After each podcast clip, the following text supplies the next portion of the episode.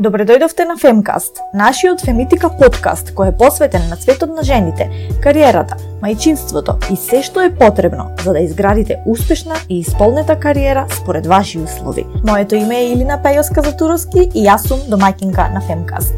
Нашиот подкаст е продолжение на разговорот ресурсите и алатките кои ги наоѓате на femitika.mk секој ден.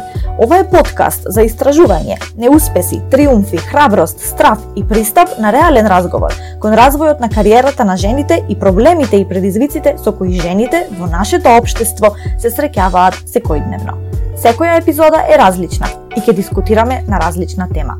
Многу често ќе имаме и гостинки и со нив ќе разговараме за научените животни лекции поврзани со кариерата, мајчинството и семејниот живот и ќе истражуваме разни бизнис и кариерни стратегии кои тие ги откриле и од кои сите може да ги користиме во нашите собствени животи.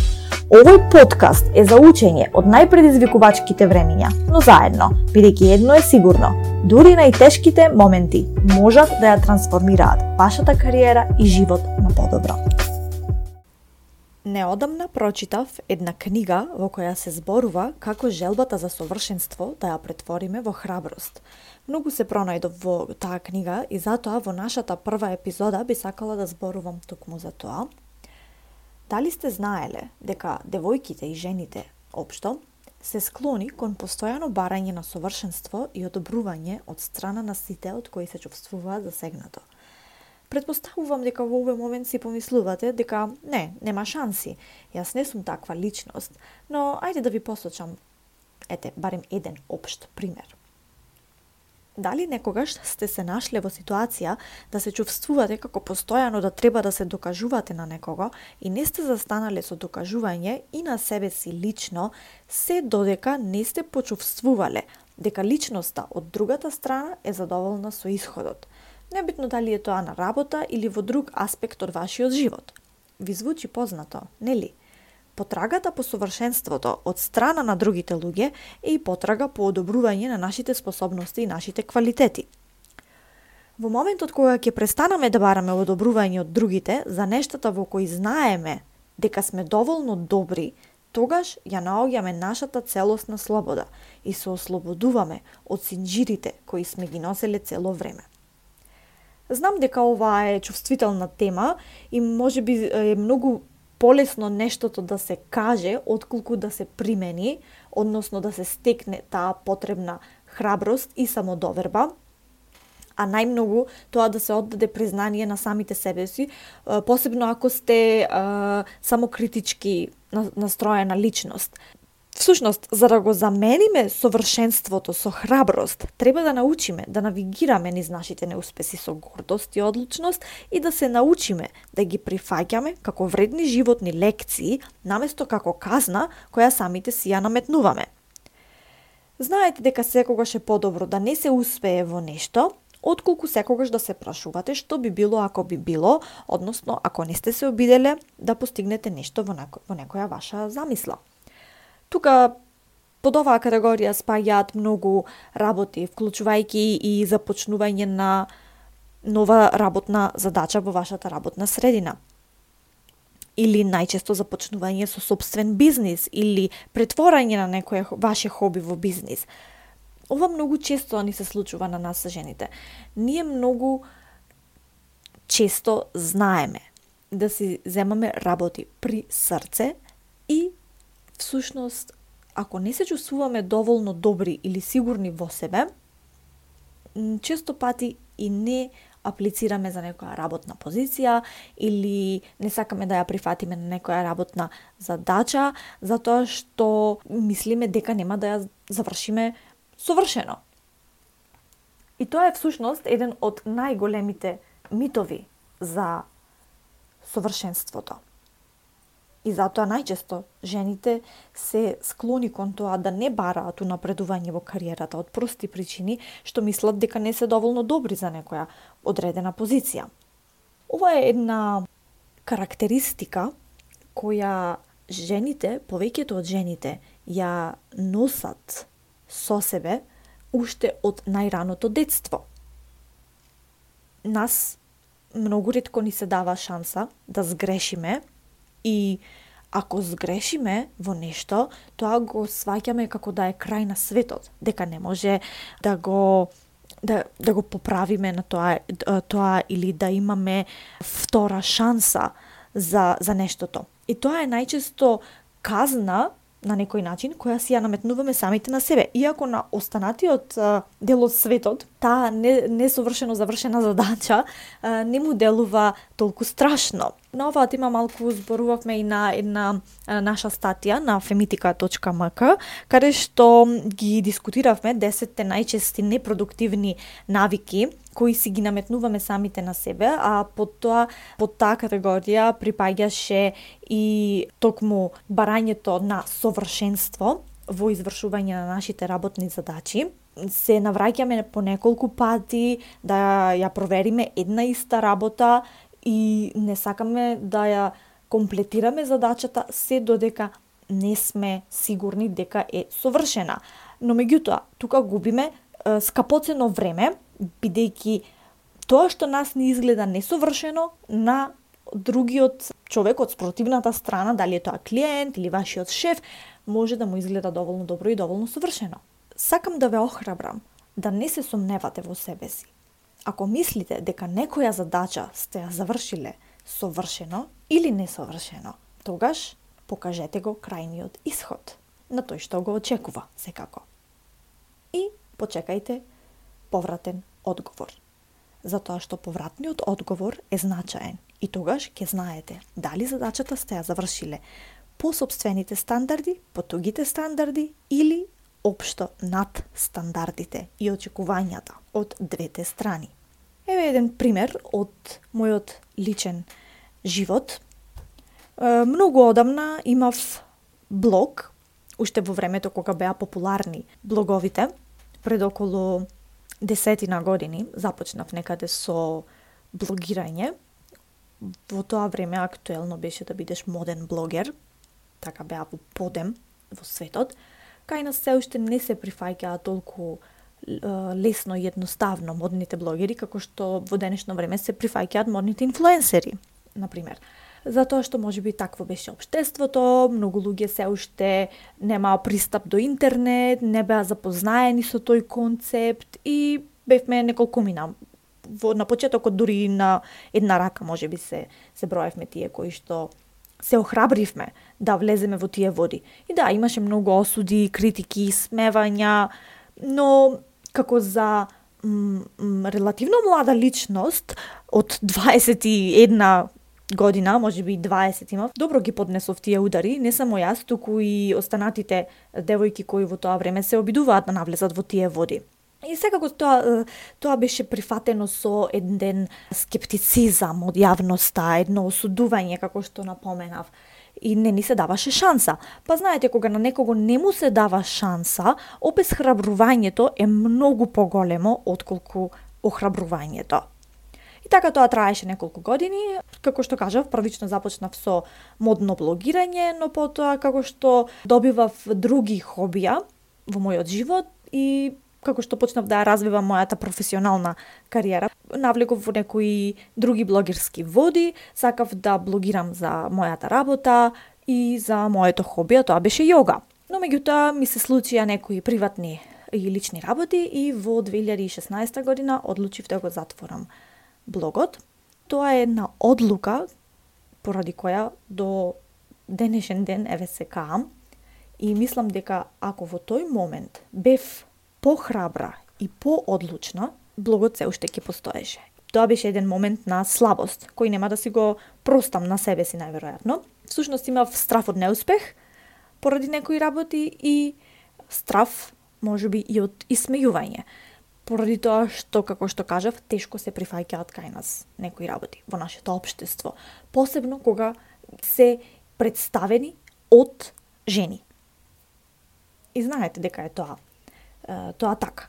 Но, меѓутоа, како што се посветив на развивањето на мојата кариера после затворањето на мојот блог, за мене последните 6 месеци беа трансформирачки, ако можам да ги наречам така, затоа што повторно ми се врати храброста. Храброст која ја изгубив пред многу години Благодарна сум за тоа, првенствено на себе, а потоа и на мојот сопруг, затоа што мислам дека е многу важно да имаш поддршка ако сакаш да постигнеш нешто во животот од луѓето кои што ти се најблиски. И охрабрување, секако. Затоа што без поддршка и без охрабрување, тешко кој би се нафатил да започне нешто свое, нешто лично со кое што ќе оставиш печат. Ново пронајдената храброст за мене беше еден момент на откровение, би рекла. Мислам дека ништо од тоа немаше да биде, да се случи, доколку јас не го родев мојот син. Многу ми нарекле или сум прочитала дека породилното отсутство е откровение. Дознаваш многу работи за себе, за тоа кој си, кој сакаш да бидеш во иднина. И се тоа е инспирирано од доаѓањето на нов живот на свет. Значи, нештата стануваат појасни. Може би е и до созревањето, што значи да работиш за себе, а што значи да работиш за некој друг. И што значи да работиш на исполнување на собствените соништа и исполнување на соништата на некој друг. Секој еден кој што се решава да направи подвиг кон унапредување на кариерата, посебно со започнување на нешто свое, таа личност работи на исполнување на своите соништа. И тоа е храбро. Ако ме прашувате мене.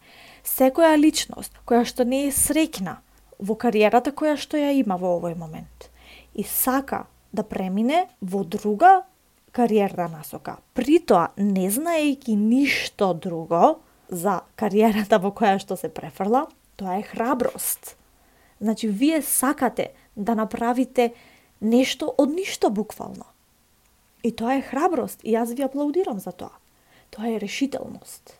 Решителност да се напредува во животот. И секако, секогаш постои тоа внимание за исполнување на собствените цели и успешно менаџирање на обврските кои што доаѓаат и секако предизвиците.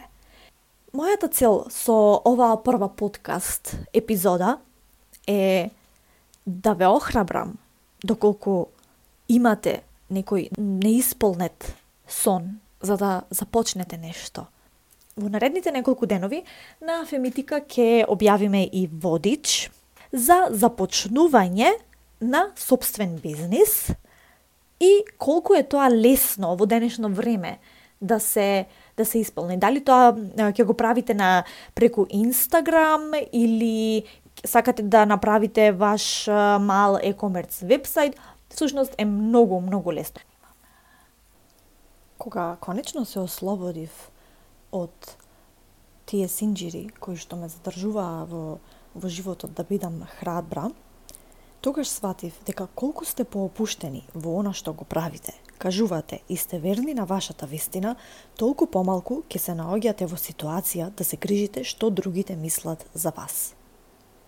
Иронијата е што еднаш штом се ослободиме од потребата секогаш да се допаднеме на некој друг, ќе се ослободиме и самите себе си, а ќе го ослободиме и патот за нашите луѓе, всушност тоа се оние кои што вистински не разбираат, кои што веруваат во нас и кои што секогаш сакаат да не поддржат во тоа што сакаме да го постигнеме. И поради таа причина, тие луѓе, вистинските, не сакаат уште повеќе поради вистинските причини. Оваа стратегија е деликатна и тешко е да се дојде до овој степен, но е клучна. Потребно е на вистина да внимавате на она што ви го кажува интуицијата, да се прашате дали се согласувате само за да бидете љубезни и да бидете свесни кога ја давате вашата моќ за носење одлуки на некој друг да не ги слушаме желбите на другите, туку нашите инстинкти е важен чин на храброст. Сушност, книгата, која што ја спомнав на почетокот на оваа епизода, е книгата Храбри наместо совршени од Решма Саджани. Може би на некој од вас ви е познато тоа име. Решма Саджани е основачка на организацијата Girls Who Code или Девојки програмерки – и е една навистина голема инспирација за мене, бидејќи јас доаѓам од а, индустријата за информатичка технологија. Но Решма, кога ја основа таа организација, таа немаше никакво познавање од информатичката технологија воопшто. Всушност, самата кажува во оваа неизина книга дека неизините најголеми успеси потекнале од неизините најголеми неуспеси. На само 33 години се кандидирала за учество во Американскиот конгрес, односно поднела кандидатура, но изгубила изгубила на внатрепартиските избори. Бидејќи таму е системот поинаков, тие прво имаат внатрепартиски избори помеѓу двајца или повеќе кандидати и потоа само тој кој што е победник во одреден реон или регион продолжува во главната трка за конгресмен или конгресменка во случајот. Но самата кажува дека тоа е бил бил нај големиот неуспех во животот бидејќи било најголемата желба но замислете, изгубила и после неколку години пробала повторно. Повторно се кандидирала. Која е таа храброст, нели? И повторно изгубила. А сега во оваа книга неизина читам дека сака да се кандидира и по трет пат, но се уште размислува за тоа. Но меѓутоа, од неизиниот најголем неуспех произлегло една така добра организација која што сега е распространета низ целиот свет и која што се грижи да ги, да ги едуцира младите девојки да влезат во инженерство или програмирање. Многу, многу сум воодушевена и всушност во текот на овие шест трансформирачки месеци во мојот живот и пред да ја прочитам книгата, сватив дека јас и самата сум дошла до некои такви сознанија за самата себе си и затоа сум се одлучила да ги тргнам на страна сите работи и луѓе кои што ме повлекувале назад и кои што не ми давале крилја, туку ми ги одсекувале и решив да се ослободам и да продолжам напред и да одам да ги бркам своите соништа. Затоа што се додека работиме на исполнување на тугите соништа, а не на собствените, тогаш ние не се пронаоѓаме себе си вистински. И тоа за мене е храброст. Во моментот кога ќе решиме дека е време да се посветиме на исполнување на нашите соништа. Најтопло ви ја препорачувам оваа книга. Може да ја најдете во литература, но лесно е да ја најдете. Насловот е Храбри наместо совршени од Решма Саджани. Најтопло ви ја препорачувам. Дојдовме до крајот, тоа е се за оваа епизода, драги слушателки и слушатели. Ви благодарам што не слушавте до крај и се надевам дека ќе не слушате повторно во нашата идна епизода. Доколку ви се допаѓа овој подкаст, ве молам кликнете на копчето subscribe за да ни дадете дополнителна поддршка или споделете го со вашите пријатели. Овој подкаст е достапен и на femitika.mk во категоријата подкаст. Јас сум вашата домаќинка Илина Бејоска Затуровски, ви посакувам убав ден и се слушаме во следната епизода на Femcast.